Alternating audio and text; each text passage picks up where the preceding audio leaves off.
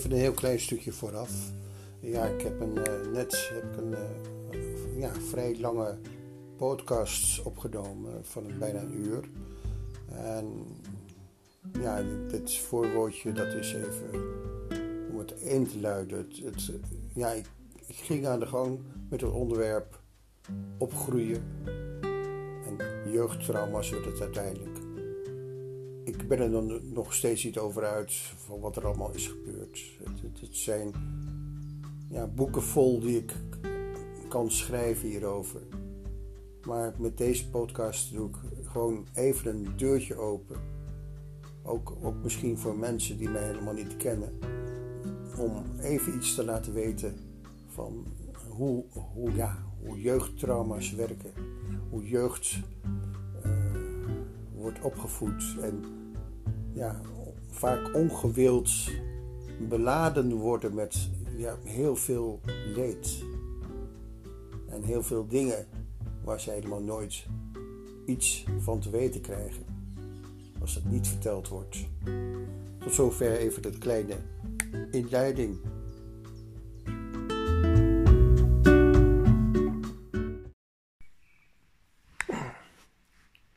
Opgroeien. Hoe het opgroeien in je jeugd van een heel groot belang kan zijn.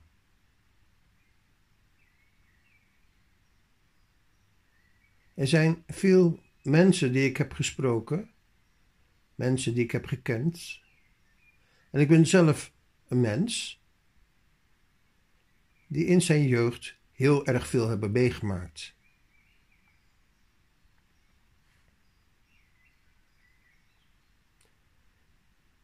Je kan misschien denken dat er niemand zoveel heeft meegemaakt heeft in zijn jeugd als ik.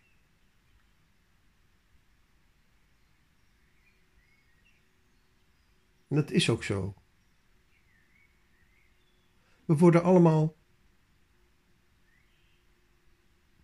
afgebroken. We maken verschrikkelijke dingen mee. Als ik denk aan mijn eigen verleden,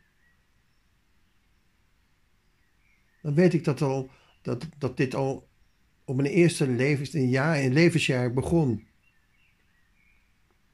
Op mijn eerste levensjaar. Toen stak ik samen met mijn twee jaar oudere broer een sigaretje aan. Wij hadden sigaretten en lucifers gevonden van mijn tante Yvonne.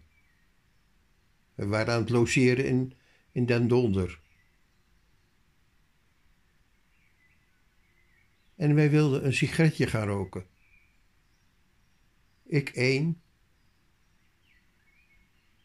Mijn broer, twee jaar ouder, drie.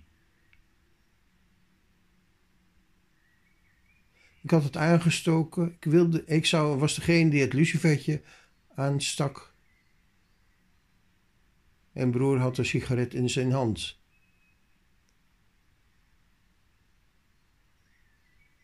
De lucifer brak, al brandend, en viel op het bed. Wat toen gebeurde, was vreselijk. Eén grote vuurzee, twee jonge kinderen van één en drie hadden vuur gemaakt op bed. Mijn broer, derde graads verbrand, op het randje van de dood gezeten. Heeft nog steeds last van alle littekens die hij op zijn derde levensjaar moest meemaken.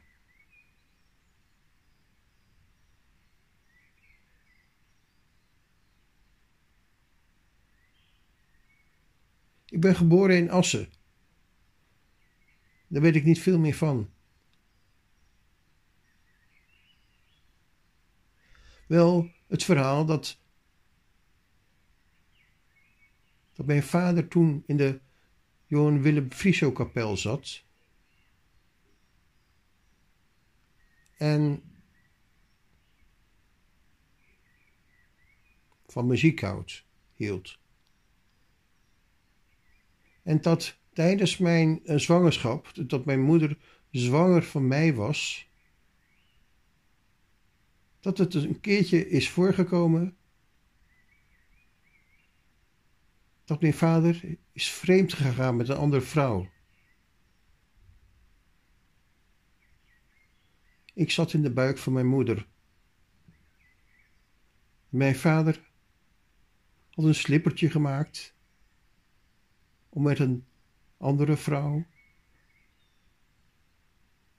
de liefde te bedrijven.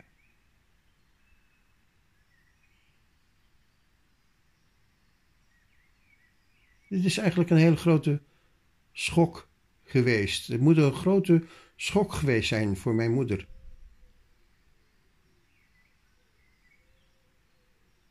En zij kwam er gelijk achter. Zij doorzag het gelijk.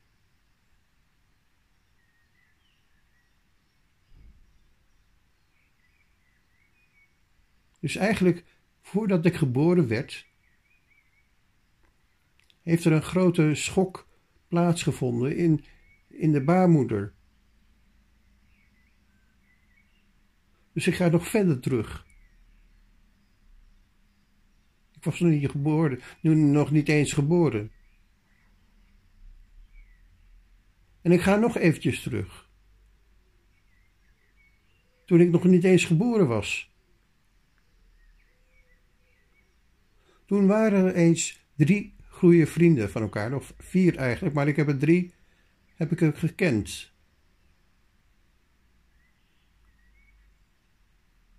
Het was mijn vader, het was zijn vriend Arne van Onk,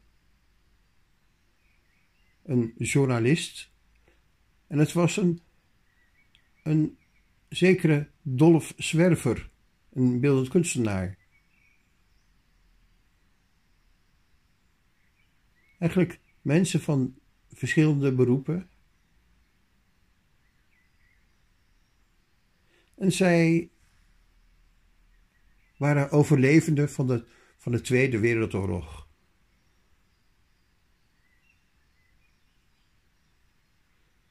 In die tijd na de Tweede Wereldoorlog was de oorlog niet voorbij. Ja, we waren niet meer bezet in Nederland. Maar de oorlog was niet voorbij. Die begon eigenlijk, op dat moment begon dat pas.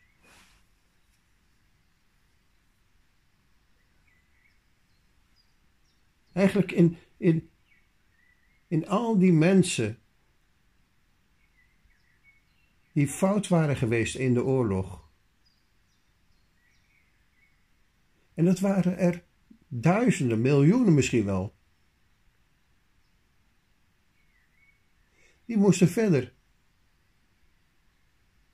Het kon niet anders dat ze gewoon verder moesten gaan met hun leven.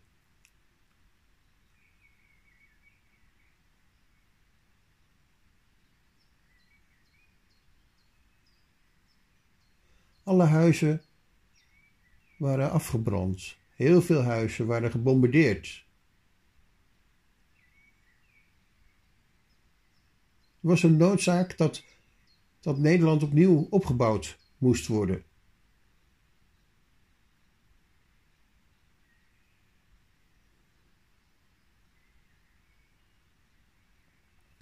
Dat heeft heel veel met mensen gedaan.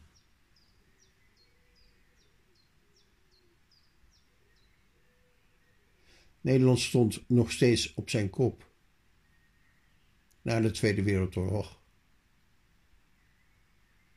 Wat is er gebeurd in die tijd?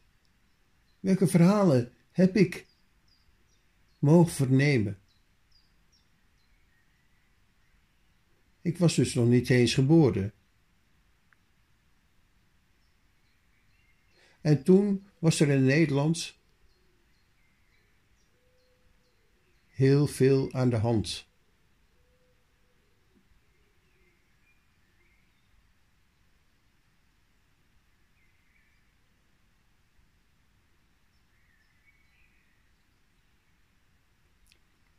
De eerste televisie is toen geboren.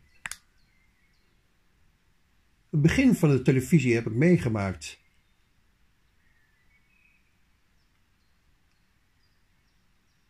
De petroleumman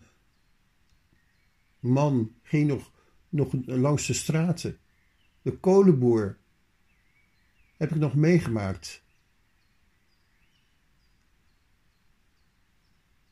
De, de melkboer die nog melk rondbracht. De eerste flessen met, met van die doppen, van die gekleurde doppen.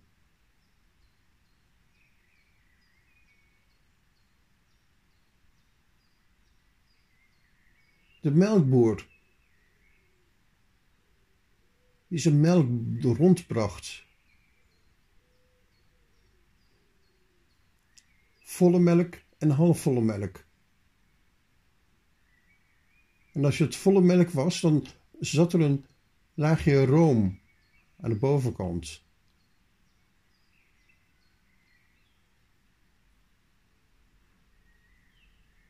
De scharen sliep, sliep. De, de, die, die messensleep, die, die kwam door, de, door onze straat heen.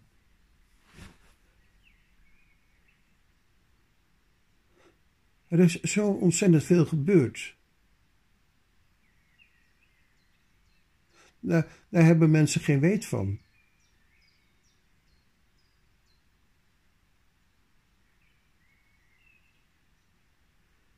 Ik vernam zelfs dat er na de Tweede Wereldoorlog het ene schandaal naar het andere schandaal ontstond in Nederland.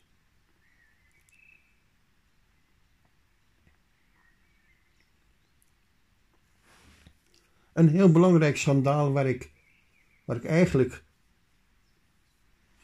pas in, in, in daar 2003 achter ben gekomen.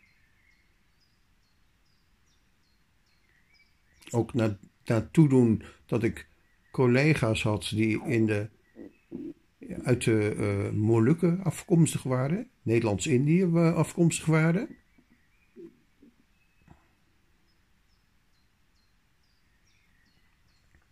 Daar heb ik vreselijke verhalen van gehoord. Het was, was eigenlijk schandalig wat, wat Nederland in die tijd heeft uitgevoerd.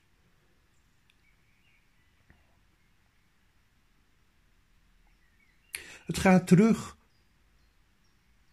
naar de tijd dat Nederland heel veel oorlog heeft gevoerd. En heel veel aan slavenhandel heeft uh, gedaan. Het gaat zelfs terug naar, naar Piet Hein. Dat Piet Hein de zilvervloot heeft gewonnen.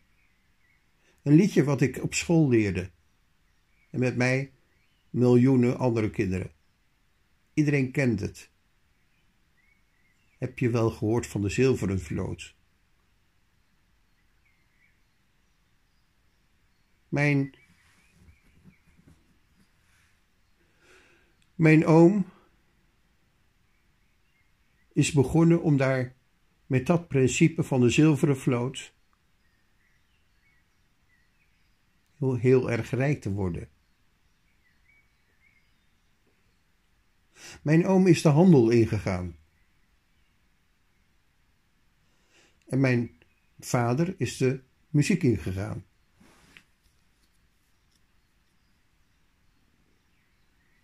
Ze waren blijde, heel erg blij dat het vrede was. En één ervaring die beide broers hadden meegemaakt, was dat ze, dat ze eigenlijk van de hongerwinter hun ouderlijk huis waren ontvlucht.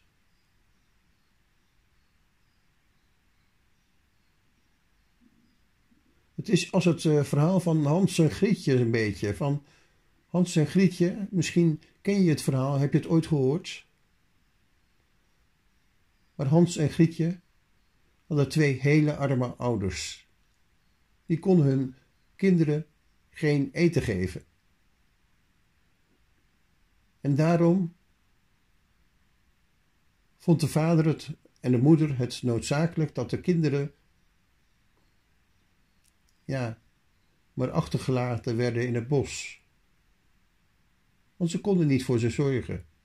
En dan zouden ze misschien in handen komen in, van iemand die voor hun kon zorgen.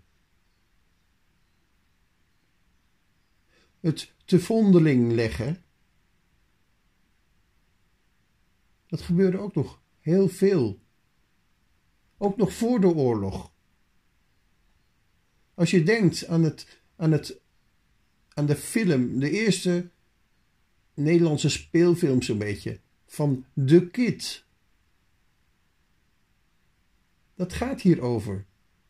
Over een kind dat te vondeling gelegd wordt.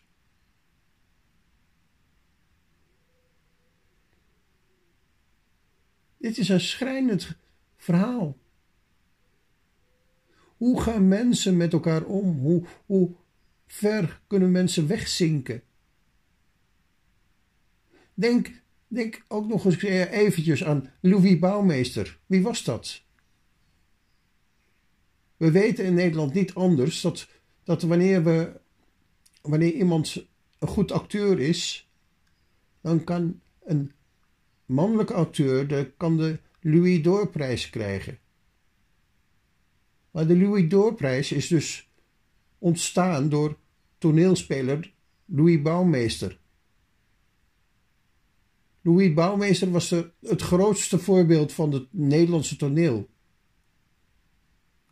En zijn zus, Theodor, Theodora, was de eerste bekende actrice van Nederland. Dat was, die, speelde in films, de allereerste films, voor de, nog voor de Tweede Wereldoorlog. Dat was de tijd waar mijn beide ouders zijn opgegroeid. De eerste films, de eerste televisie, de eerste auto's.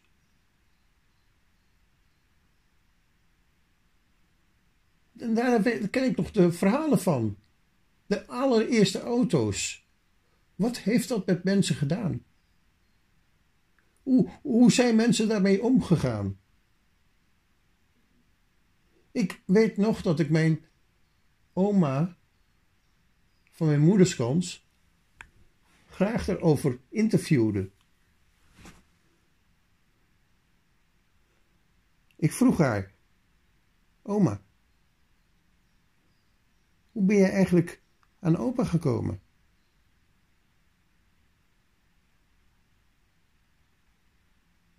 Want, ik hoorde eigenlijk van mijn opa ook al hele rare verhalen. Er is zoveel gebeurd, mensen. In ieder geval bleek mijn opa van mijn moederskant iemand te zijn van, van een rijke familie. Dit verhaal heb ik ja, gehoord van mijn, van mijn oom Henny, waar ik langere tijd veel mee op ben getrokken.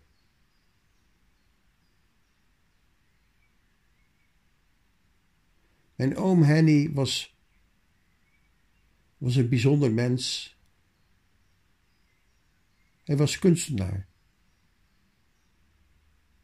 Maar niet alleen kunstenaar, hij, hij heeft eigenlijk met zijn kunst heeft hij veel verkocht. En ook nog aan de oud-directeur van, van, van, van, ja, van, van het uh, Stedelijk Museum. Die heeft persoonlijk werk van hem gekocht. In die tijd uh, kregen mensen subsidies om, ja, om, om kunst aan de staat te verkopen. Daar stonden dus hele grote pakhuizen vol met kunst. Van ja, kunst waar mensen eigenlijk helemaal niks meer mee hadden. En, uh, maar ze wilden de kunstenaar wilden ze gewoon uh, ja, niet teleurstellen, want kunst was een belangrijk vak. Kunst, ja, dat moest je gewoon, uh, ja, daar moest je gewoon in, in investeren. er werd hele mooie kunst gemaakt. En die kwam dus allemaal in grote pakhuizen terecht.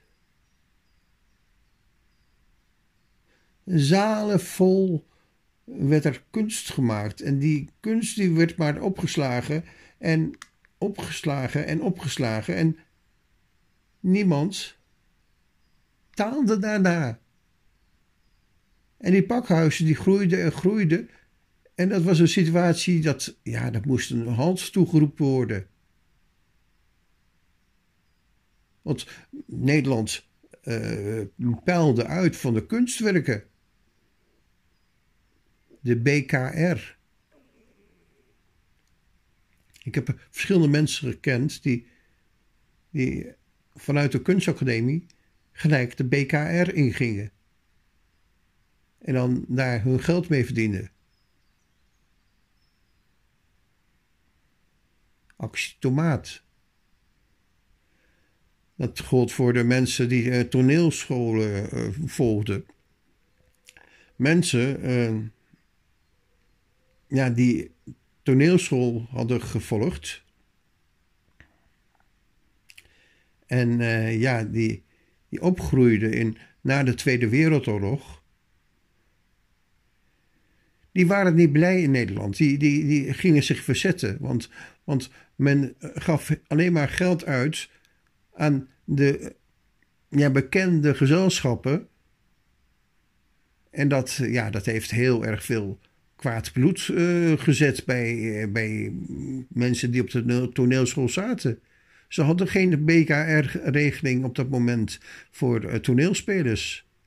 En alleen de uitverkoren toneelspelers die zich hadden bewezen, die kregen geld. Nou, toen is er dus een actietomaat is er ontstaan. En dat betekende dat, dat eigenlijk jonge toneelstudenten, die kwamen in opstand. Die kwamen in opstand en die gingen vechten tegen het gevestigde toneel. En letterlijk vechten was dat, omdat ze tomaten meenamen naar de Schouwburg. En dan gingen ze uh, met tomaten gingen ze naar de acteurs gooien. Want ze waren eigenlijk zo boos op de regering van Nederland. Die woede, die was gaan koken.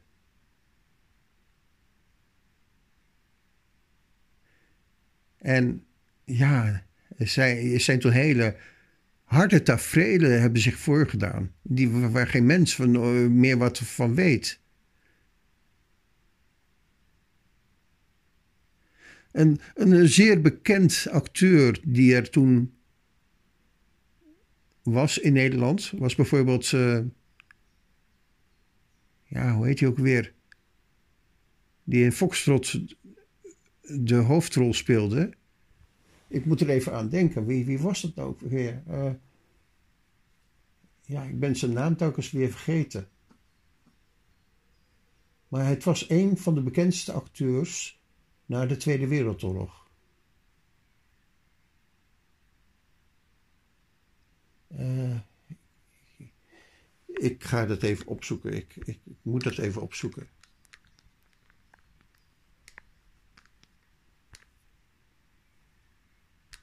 Oh ja, Willem Nijholt. van Willem Nijholt, die misschien ja, niet meer leeft, ik weet het eigenlijk niet. Dat zal ik ook even opzoeken. Nee, Willem Nijholt leeft nog. Hij moet 86 jaar zijn. En hij zal niet zo lang meer te leven hebben. Misschien moet ik hem opzoeken. Hij is geboren in Indonesië. Heel veel bekende mensen zijn elders geboren. En hebben ja, verschillende trauma's opgelopen. Ik ben eigenlijk wel heel benieuwd naar het verleden van Willem Dijholz. Ik ken iemand die, uh, die liedjes voor hem geschreven heeft. Dat is misschien wel heel bijzonder, ook een bijzonder gegeven om, om hem te willen spreken. Ik weet niet waar hij woont, maar het lijkt me waanzinnig om hem nog te spreken te krijgen. Ik hoop dat ik hem nog te pakken krijg. Willem Nijholt was een grootse acteur. Na de Tweede Wereldoorlog. En het is bekend dat hij getroffen werd door de zogeheten actie Hij, speelde, hij deed gewoon zijn werk, hij, hij speelde zijn rol en hij kreeg een tomaat midden in zijn gezicht.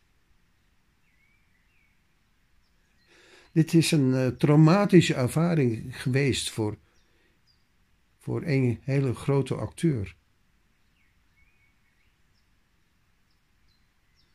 Degene die dat deden, besefte dan, zich dat niet. Nee, zij waren boos en zij waren. Er zat een kokend bloed in die mensen. En die oorlog en nou heb ik het dus over de oorlog na de Tweede Wereldoorlog. Want daar is, was niet een vrede. Hoe kom je erbij dat dat vrede was? Nee, alles moest juist op dat moment uitgevochten worden. Al die ellende die mensen hebben, zich, uh, hebben meegemaakt, dat, was toch lang niet weg?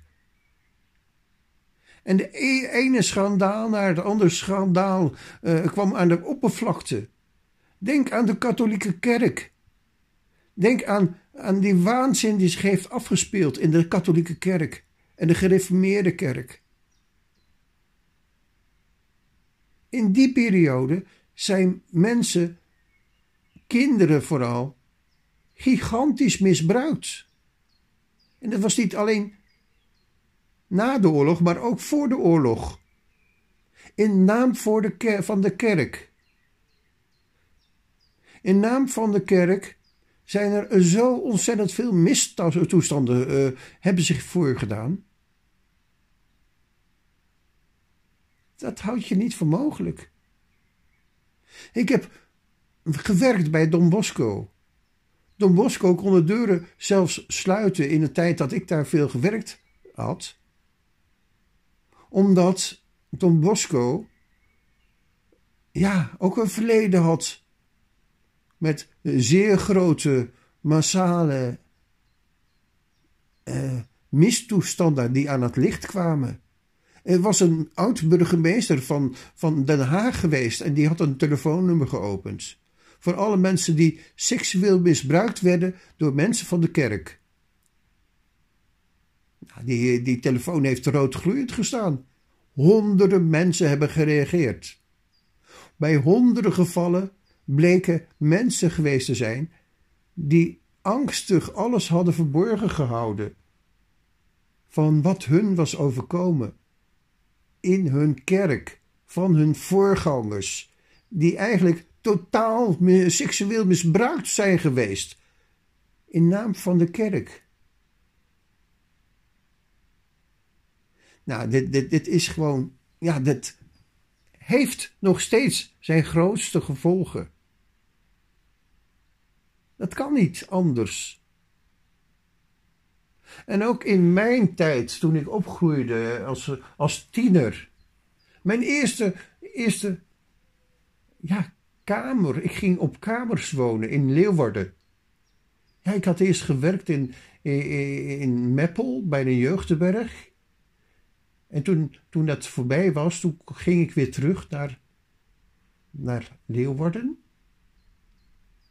En toen wilde ik niet meer bij mijn ouders wonen, want ik, was inmiddels al een jaar uit huis geweest en ik, ja, ik moest ook uit het huis. En toen ben ik op kamers gaan wonen. Ik had dat, een jonge broertje en zusje in die tijd. En ik ben toen gaan wonen bij bloemenzaak De Lotus aan de verlengde schrans.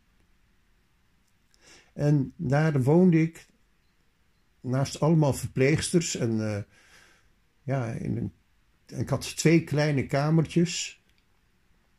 En in dat, in dat huis gebeurde van alles. En de meest ja, schokkende in die periode was natuurlijk dat, dat die, ja, die verpleegsters moeten altijd, moesten elke maand moesten ze hun huur betalen bij de eigenaar. En dat konden ze daar gewoon in de bloemenwinkel gaan betalen. En dan was er een man die hopeloos fout was geweest in de Tweede Wereldoorlog. Die was bij de SS geweest en iedereen wist dat. En die man die kon zijn handen nooit thuis houden bij, bij vrouwen, voor vrouwen. Hij, hij moest altijd onzedelijk betasten. En heel veel hebben dat maar laten gebeuren. Maar ja, ik, had, was, was vriend geraakt met een stelletje die daar toevallig ook woonde. Die vertelde daar ook over. Ja, die man is stapelgek. Die zit er altijd met een beugel, zo'n zo'n grolsbeugel met uh, bier. En die zit zich daar te bezatten. En als hij helemaal bezat is, dan, ja, dan was hij iedereen gewoon aan het betasten. Alle vrouwen die hadden daar last van. En ook mijn, mijn vriendin, even daarvoor, die, die had nog een, ja, zo'n leuke, uh, ja, die, die, die had mistoestanden meegemaakt op de, op de middelbare school. Zij had op, een, op de, eh, de MAVO gezeten, net zoals ik. Op een christelijke MAVO. De Tjerk Wallenschool. En toevallig ken ik die school ook vrij goed. En daar had je een situatie, nou, die, die, die, die houd je ook niet voor mogelijk. Die, die mensen die leraar waren geworden, dat waren vreselijke randdebielen, zeg maar. Dat waren vreselijke mensen. Nou, ik en mijn beide broers, die weten daar genoeg van. Wij hadden gevechten met onze leraren. Daar ben ik in opgegroeid, in die sfeer. Mensen die hielden niet van, van, eh, van hun scholen. Die hadden te maken met vreselijk foute leraren. Die in de oorlog ook fout waren geweest waarschijnlijk. En die dan op een gegeven moment uh, voor de klas gingen staan en zogenaamd les gingen geven. Dat helemaal niet konden. Ik had uh, de, de, de meest grote mislukking die ik had als leraar was een zekere meneer Bakker. Nou, die gaf aardrijkskunde biologie, uh, die gaf uh, ja, heel veel vakken, wel een stuk of zeven, acht. En, en dat ging maar door en dat ging maar door. En op een gegeven moment ging je ook nog Engels geven. Maar dan moest je eerst dat Engels een beetje leren. En dan, voordat de klas begon, dan was meneer Bakker was woordjes aan het leren. Om de uitspraak goed door te krijgen. Want dat had hij zelf niet eens door. En dan ging je dat oefenen, dat hoorde je dat dan ook. Nee, het, het was een vreselijke tijd. Eigenlijk die schoolperiode. Nee, ik, ik, ik heb dat heel erg naar gevonden. Ik heb hem nooit thuis gevonden. Niet, uh, ja. Zelfs de lagere school kan ik je over vertellen. Dat ik twee verschillende lagere scholen heb meegemaakt. De ene lagere school, dat was de Plantaanschool. In, uh, ja, wij woonden in de Hagedornplein in Leeuwarden. En daar had je een, een school en dat was de Plantaanschool. Dan had je Plantaanschool 1 en 2. En één daarvan zaten wij. Daar was zelfs een leraar begin, eh, bekend. Een, uh, hoe was dat nou later weer? Op? Nee, dat, dat is een verhaal waar mijn broer nog over vertelde. Was dat nou op de lagere school? Ja, uh, meester Bourgondië. Meester Bourgondië, daar, daar had mijn broer, uh, die heb ik, daar heb ik ook les van gehad, maar die heeft ook les gegeven aan mijn broer. Ik denk dat het op de lagere school nog was. En ja, kinderen werden geslagen op school. En niet zo'n klein beetje. Het werden voorbeelden en die meester Bourgondië, die haalde het zelfs in zijn boerenkop, dat hij, dat hij, want er waren echt boeren die voor de klas stonden, die, die gingen kinderen slaan. En hij had een grote uh, zegelring dan altijd met een puntige kanten. En dan ging je die zegelring, uh, ja, met, met die scherpe kanten ging je daar naar, ja, naar de binnenkant draaien en dan ging hij de kinderen slaan. Dat heeft mijn broer meegemaakt. Nou, als je dan niet gewoon ontzettend kwaad wordt en heel veel bloed heeft gekookt bij jonge mensen. Niet voor niks dat er een profilbeweging is ontstaan. De, de actie tomaat. Die, ja, zijn, de oorlog was nog lang niet voorbij. De oorlog was nog in volle gang na de Tweede Wereldoorlog. Uh, Nederland moest opgebouwd worden, de wederopbouw. En zij lieten mensen creperen in, in, in uh, Indonesië, de Molukken. De voormalige, voorname, uh, voormalige ja, landen waar Nederland zo rijk aan was geworden, door die slavenhandel en zo die, daar was een, iets aan de hand. Mensen werden daar uitgemoord door de Japanners.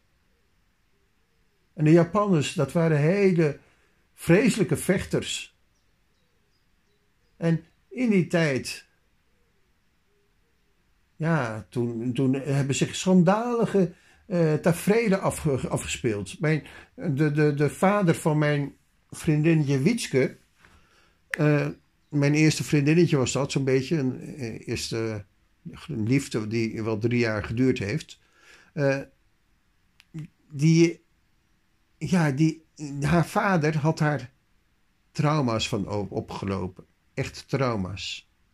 En die had zelfs nog, toen de, de oorlog was afgelopen, had hij nog steeds een uh, grote, uh, ja, grote geweer, een mitrailleur, had hij in een kist is naar huis staan. En de, de, beide dochters die wisten daarvan. En die mochten daar nooit aankomen. Maar die, dat, die mitrailleur die moest in huis blijven. Want zonder die mitrailleur voelde die vader zich niet veilig. Hij wilde gewoon altijd een waarborg hebben dat hij gewoon, ja, dat hij, dat hij nooit meer zou ervaren wat, wat hem was overkomen. Oorlogstrauma's. Wie heeft er nog nooit van gehoord? Ze zijn nog niet zo ver weg. En die trauma's die gaan maar door en die gaan maar door. Die worden doorgegeven. Aan de kinderen en de kinderen en de kinderen en de kinderen en de kleinkinderen. En ook, ook mijn, mijn, mijn ouders hebben die trauma's meegemaakt. Maar ook mijn schoonouders, mijn eerste schoonmaker, die hebben die trauma's meegemaakt. Van hun ouders. En als ze, als ze, ja, heel veel ouders die zijn gewoon fout geweest in de oorlog.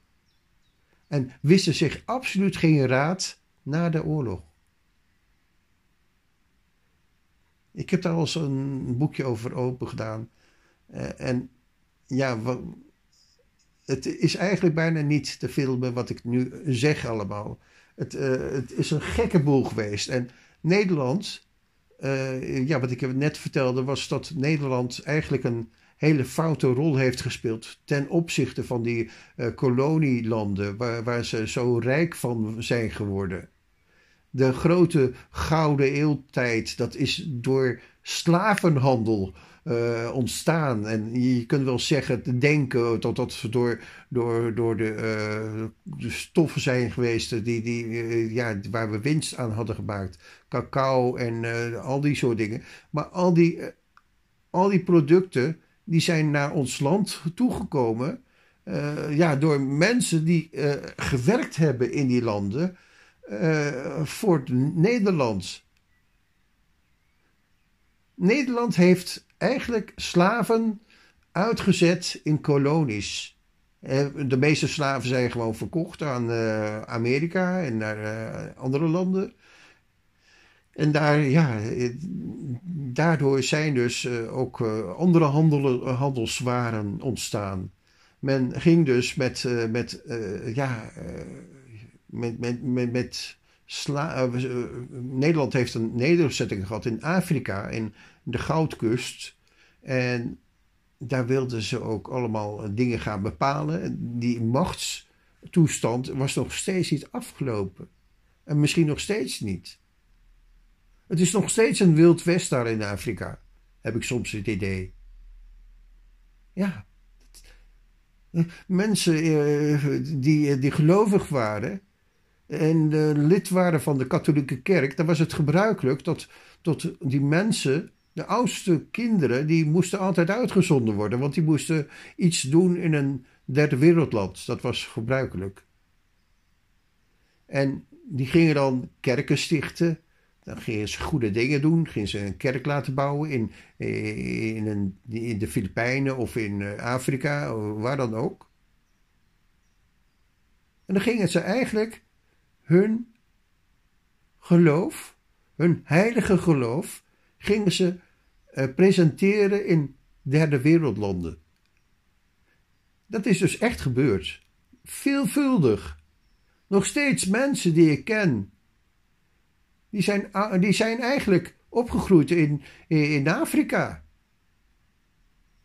Die zijn in Afrika opgegroeid en die, die waren kinderen van mensen die bezig waren om, om eigenlijk uh, uh, ja, arme ja, arme kinderen in uh, arme landen te gaan redden. Met, met het stichten van een kerk in derde wereldlanden. In, ja, in Afrika was het natuurlijk ook helemaal, ja, dat is een toonbeeld geweest van ja, mensen die daar weggehaald werden, die daar uitgezonden werden als slaven.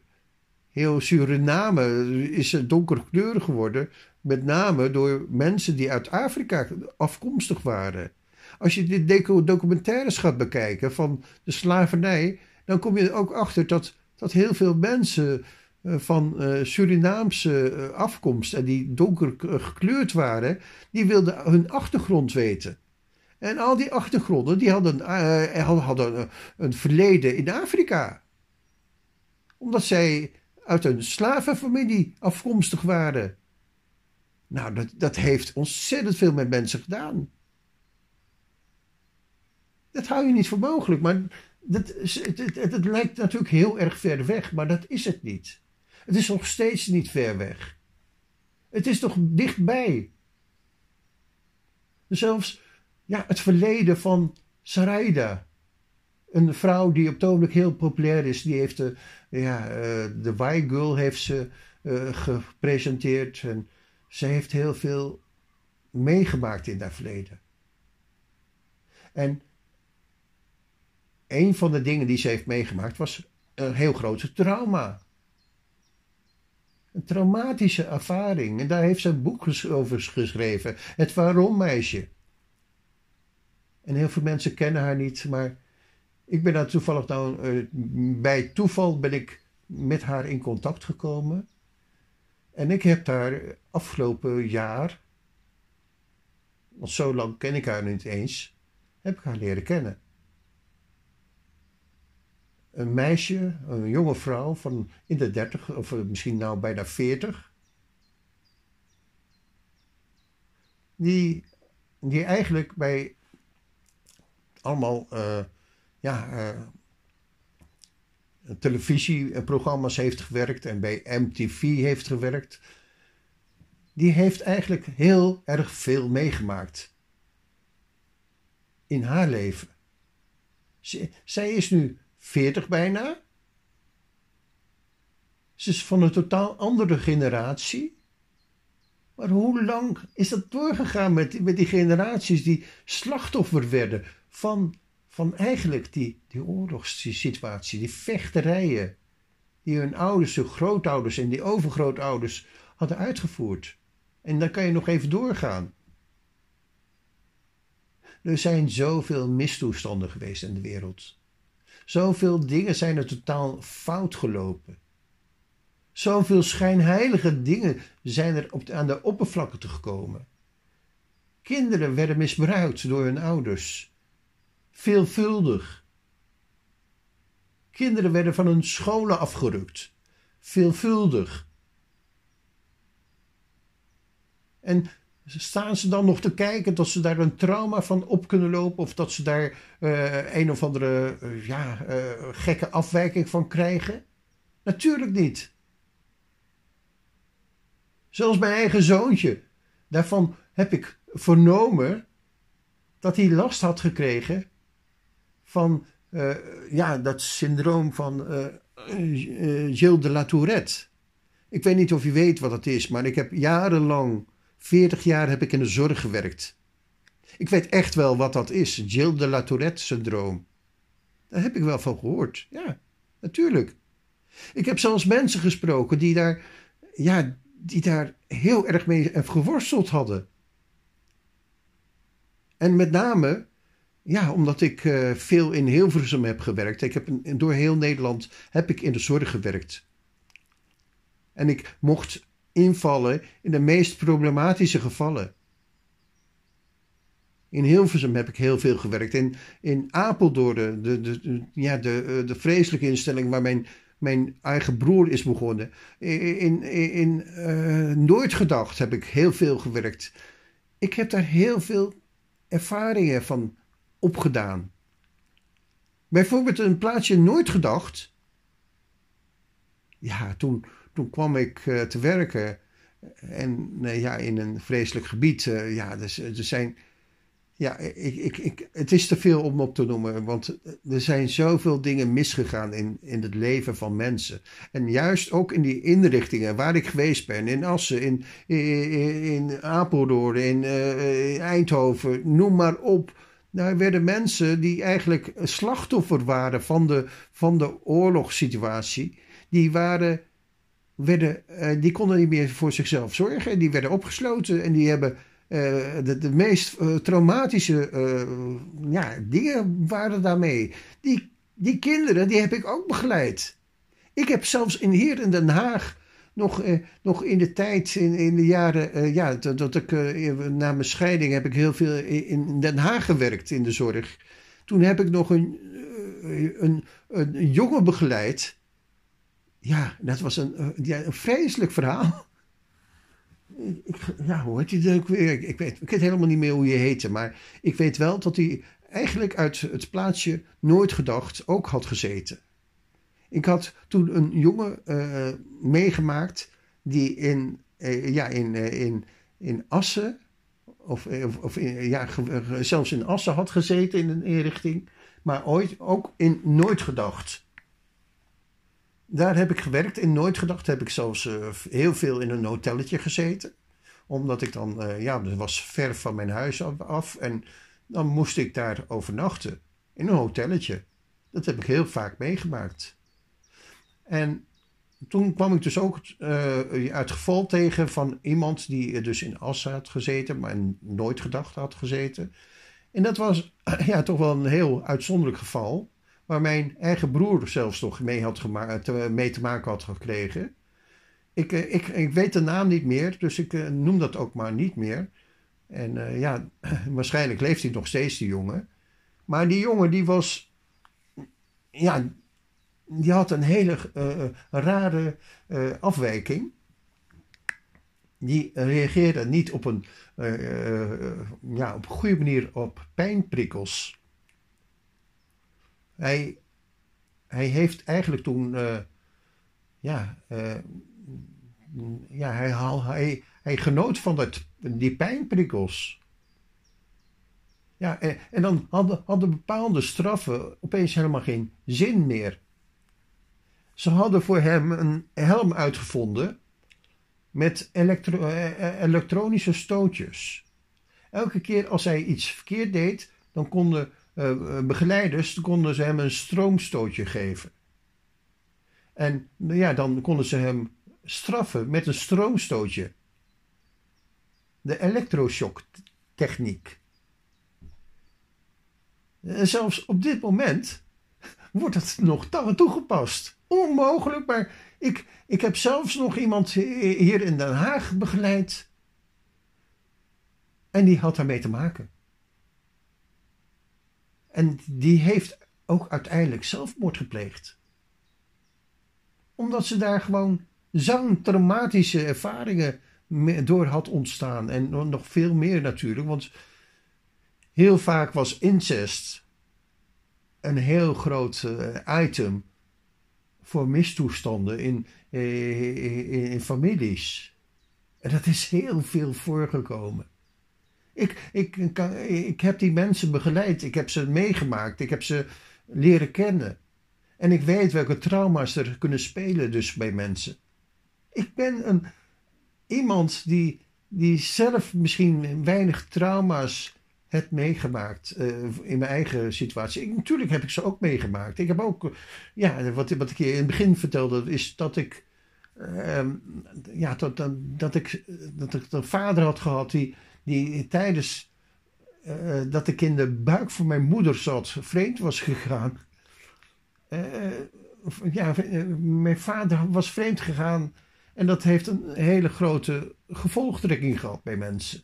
Dat, dat, dat, je kunt wel denken dat, dat je het in een, in een vergeetbak gaat storten, maar dat is niet zo. Ik heb een schoonmoeder meegemaakt. Die had, die had een vreselijk iets meegemaakt met een man. En die man die was zeven jaar lang was die gigantisch vreemd gegaan met een andere vrouw. En ja, op een een of andere rare manier is dat toen toch uitgekomen. De hele gezin was in een shocktoestand. Er werd niet over gesproken, bij, niemand niet. Het werd in de vergeetbak gestopt. Mag niet over gesproken worden, stond er heel, heel groot, met grote letters boven een op een hoofd geschreven. Ja, dat, dat, die situatie, dat, dat heeft parten gespeeld. En dat speelt nog steeds parten. En dat speelt zelfs nog parten bij mijn eigen kinderen, durf ik te zeggen. Die kinderen van mij, die zijn totaal knipt opgevoed. Die zijn opgevoed door mensen die, die eigenlijk totaal getraumatiseerd waren. En ik weet dat. Ik heb hun ouders nog gekend. Ik heb hun grootouders nog gekend. Ik heb zelfs die grootouders als mijn eigen opa en oma willen beschouwen. Dus ga mij niet iets wijsmaken over ADHD. Wie, wie de naam Leon IJzenberg kent, en dat heb ik toevallig, die heb ik leren kennen. Ik heb zelfs Sandra Kooi heb ik persoonlijk geïnterviewd. Vertel mij niet de, maak mij niet de les wijs dat ik niet weet wat ADHD is. Ik ken dat. Ik ken dat ziektebeeld door en door. En nog steeds zijn de mensen die daar zo heilig in geloven. Als ik dat zeg, dan verklaren ze mij tot gek. Oh jongen, jij hebt de ADHD.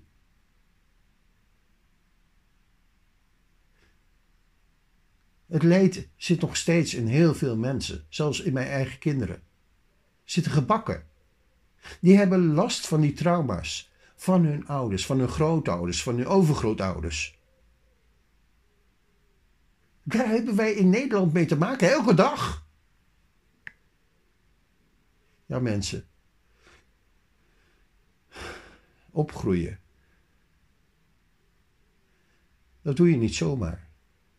Je groeit op in een, in een gezin die je misschien niet hebt uitgekozen. Een gezin waar iets mee aan de hand is geweest. Misschien was jouw vader wel totaal fout in de oorlog geweest. Of misschien heeft hij door zijn ouders die fout waren zoveel trauma's opgelopen. En trauma's die in een mens zitten, die moeten eruit komen. Die kunnen zeven generaties lang overleven. En wie dat niet gelooft, wie daar twijfels aan heeft, die gaat maar eens naar een traumatherapeut. Toevallig ben ik die mensen tegengekomen op een, eens op een bitterballenborrel. Kwam ik een traumatherapeuten nodig, eh, tegen. En die kon mij vertellen dat trauma's zeven generaties lang aan kunnen houden. En dat voorbeeld heb ik zelfs willen nakijken in de Bijbel. En ik heb het uitgerekend zelfs in het Oude Testament. In het Oude Testament heb je een heel klein stukje tekst en dat gaat over het, de na, het nageslacht van, ja, Kain. Nou, dat is, dat is een verbijsterend verhaal. Het verhaal van het nageslacht van Kain. Het, is een heel klein stukje tekst, dus je kunt het gewoon zo lezen. Ik zeg, wacht, ik zal het eventjes noemen. Ja, het staat hier dus in uh, de kinderen van Kain. Het staat op Genesis 4, en dan nummer 17, daar begint de, de, de kinderen van Kain. En, ja, het is een heel klein stukje tekst. En ik uh, raad je aan om het eens te lezen. Want eigenlijk ja, is het gewoon, uh, ja, dat moet je gewoon weten. Je, komt de, de meester van de fluit en harp kom je tegen. Mijn vader was een muzikant, die was gek op Mozart. En met name het fluit en harpconcert van Mozart, dat was hem ja, daar, heb ik nog steeds een opname van, van, zijn, van, zijn orkest. Daar was, hij gek op op dat stuk. Dus ja, het fluitconcert van het harp- en uh, fluitconcert van Mozart. En wie kent het niet? Ja, dat is geweldig. Ik zou misschien een stukje ervan uh, eraan plakken aan deze podcast. Dus ja, Ga, ga, het lezen, ga, ga de Bijbel lezen. En besef je wat er gebeurd is in de wereld. Besef je waar, waar het allemaal fout is gegaan in de wereld. Want je leeft nog steeds vaak in een trauma. En een trauma, die, uh, ja, die ga je niet zomaar verlaten.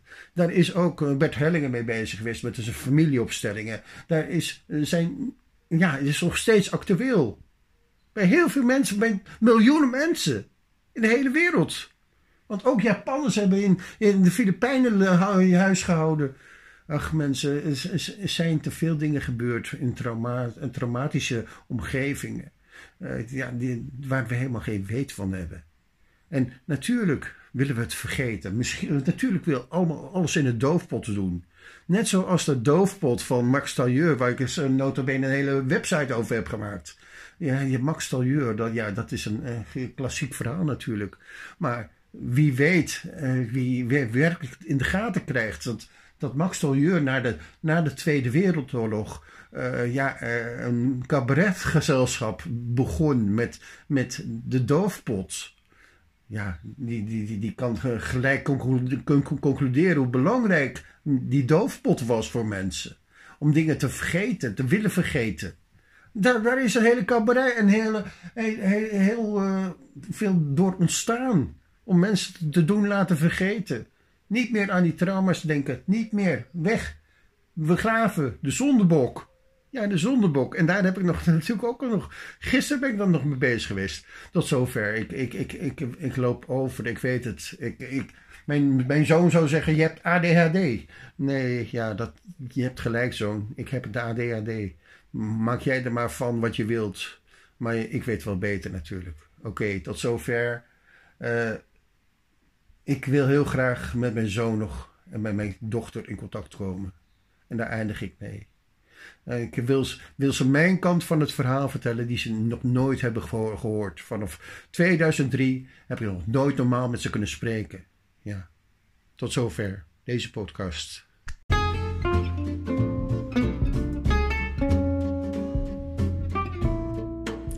Zo, dat uh, zit er weer op. Het was een hele, ja, een hele grote uitzending is dit eigenlijk geworden. En ik, uh, ik raad je aan als je hier vragen over hebt, neem contact met mij op en uh, vraag wat je wilt. je kunt mij bereiken onder telefoonnummer 06 422 33166 06 422 33166 of je kunt mij een mailtje sturen naar Stichting Bando, aapstaartje, gmail.com. Ik uh, raad je aan om gewoon te reageren als je met vragen zit. Want trauma's is een, ja, kwetsbaar onderwerp natuurlijk om aan te snijden. Waar heel veel mensen mee geroerd kunnen zijn. En uh, ja, Misschien kan ik jou helpen met uh, antwoorden of vragen te beantwoorden die je misschien zult hebben. Oké, tot zover even deze, deze afsluitende woorden. Nou, heb een, heb een goede dag in ieder geval.